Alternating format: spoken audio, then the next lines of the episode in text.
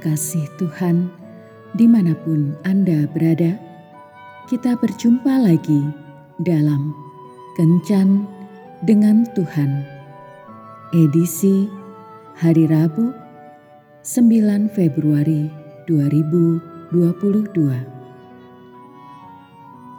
Dalam Kencan kita kali ini, kita akan merenungkan ayat dari surat kedua Rasul Paulus kepada jemaat di Korintus bab 4 ayat 8 sampai 9. Dalam segala hal kami ditindas, namun tidak terjepit. Kami habis akal, namun tidak putus asa. Kami dianiaya, namun tidak ditinggalkan sendirian kami dihempaskan, namun tidak binasa. Sahabat kencan dengan Tuhan yang terkasih, final kejuaraan balap karung akan segera dimulai. Tiga anak sudah berada di dalam karungnya masing-masing. Kak, minta waktu sebentar, kata seorang anak yang kemudian menundukkan kepala untuk berdoa. Setelah selesai berdoa, dia berkata, "Sudah, Kak, aku sudah siap." Baik, semua siap. Satu, dua, tiga teriak seseorang memberi aba-aba. Ketiga anak tersebut berjuang untuk bisa mencapai garis finish lebih dahulu. Ada yang jatuh, lalu berdiri lagi untuk menyelesaikan lomba. Setelah beberapa menit, ternyata anak yang berdoa sebelum pertandingan lebih dahulu menyentuh garis finish dan dinyatakan sebagai pemenang. Setelah beristirahat sejenak, maka tibalah saat pembagian piala.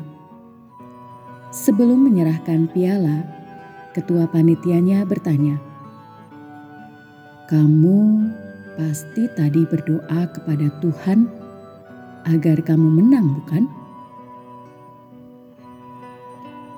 "Bukan, Kak," Bukan itu yang aku panjatkan. Aku tidak minta Tuhan untuk menolongku supaya dapat menang dengan mengalahkan peserta lainnya. Aku memohon kepada Tuhan supaya aku tidak menangis jika aku kalah, katanya. Jawaban itu ternyata membuat penonton heran. Mereka pun menyambutnya dengan tepuk tangan yang sangat meriah. Mungkin saja jenis doa seperti anak kecil itu sudah tidak populer lagi saat ini. Banyak orang berpendapat bahwa doa semacam itu adalah doa tanpa iman dan tanpa pengharapan. Doa seperti itu dianggap bukan doa seorang pemenang. Tetapi perhatikan dengan baik. Seandainya anak tersebut benar-benar kalah dan Tuhan mengabulkan doanya sehingga dia tidak menangis, bukankah itu juga merupakan sebuah kemenangan? Bukankah justru banyak orang akan angkat topi bagi anak tersebut? Ini artinya bahwa kemenangan tidak bisa dilihat dari satu sisi saja, yaitu memperoleh piala. Tanpa disadari, anak tersebut bisa melihat kemenangan dari sisi lainnya, yaitu beroleh kekuatan dari Tuhan.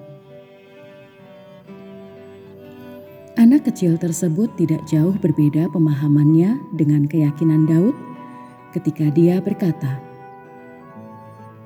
"Sekalipun aku berjalan dalam lembah kekelaman, Aku tidak takut bahaya, sebab Engkau besertaku.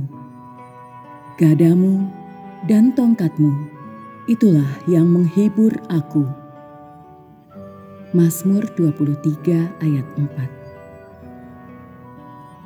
Daud sangat yakin kalau Tuhan sanggup memberikan kemenangan secara jasmani kepadanya, membebaskan dari tekanan musuh, bahkan mengalahkannya.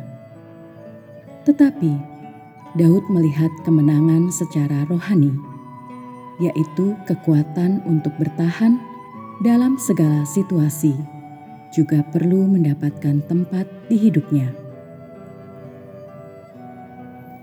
Alkitab mencatat bahwa Rasul Paulus senantiasa menghadapi bahaya yang bisa mendatangkan maut. Tetapi dia berkata bahwa Tuhan selalu membawanya ke jalan kemenangan.